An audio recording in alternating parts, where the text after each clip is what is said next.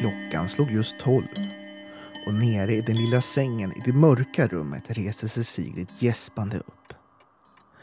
Hon sträcker på sig och gäspar och gnuggar sig trött i ögonen.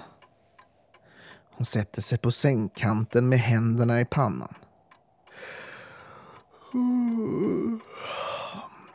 Sigrid är jättetrött. Hon ställer sig upp och börjar gå mot fönstret.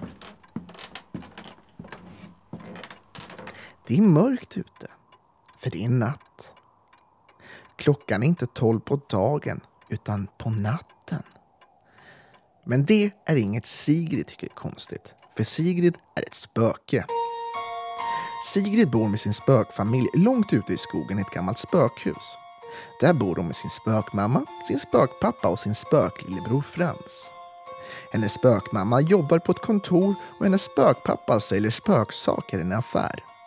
Sigrid och Frans, de går på en spökskola. Det här var ingen vanlig natt. När Sigrid stod i sitt fönster så märkte hon plötsligt något konstigt. Någon hade ställt en säng i hennes rum. Vem hade gjort det? Och varför just en säng? Sigrid hade ju redan en säng. Hon gick fram till sängen och tittade på den. Den var stor, brun och gjord av trä.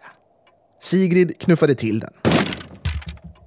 Den här fula sängen ska inte stå i mitt rum, tänkte hon. Plötsligt reste sig en pojke upp ur sängen. En människopojke.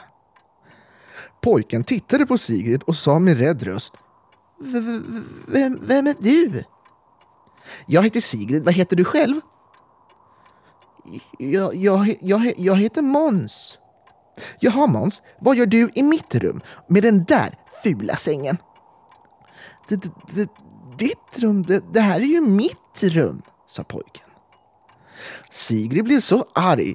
Hur kunde han komma hit med sin fula säng och säga att det var hans rum? Hon hade ju bott här så länge hon kunde minnas. Hur vågar han säga så? Det är inte alls ditt rum, det är mitt rum, skrek Sigrid. Pojken blev så rädd så att han började gråta. Åh, typiskt pojkar, tänkte Sigrid.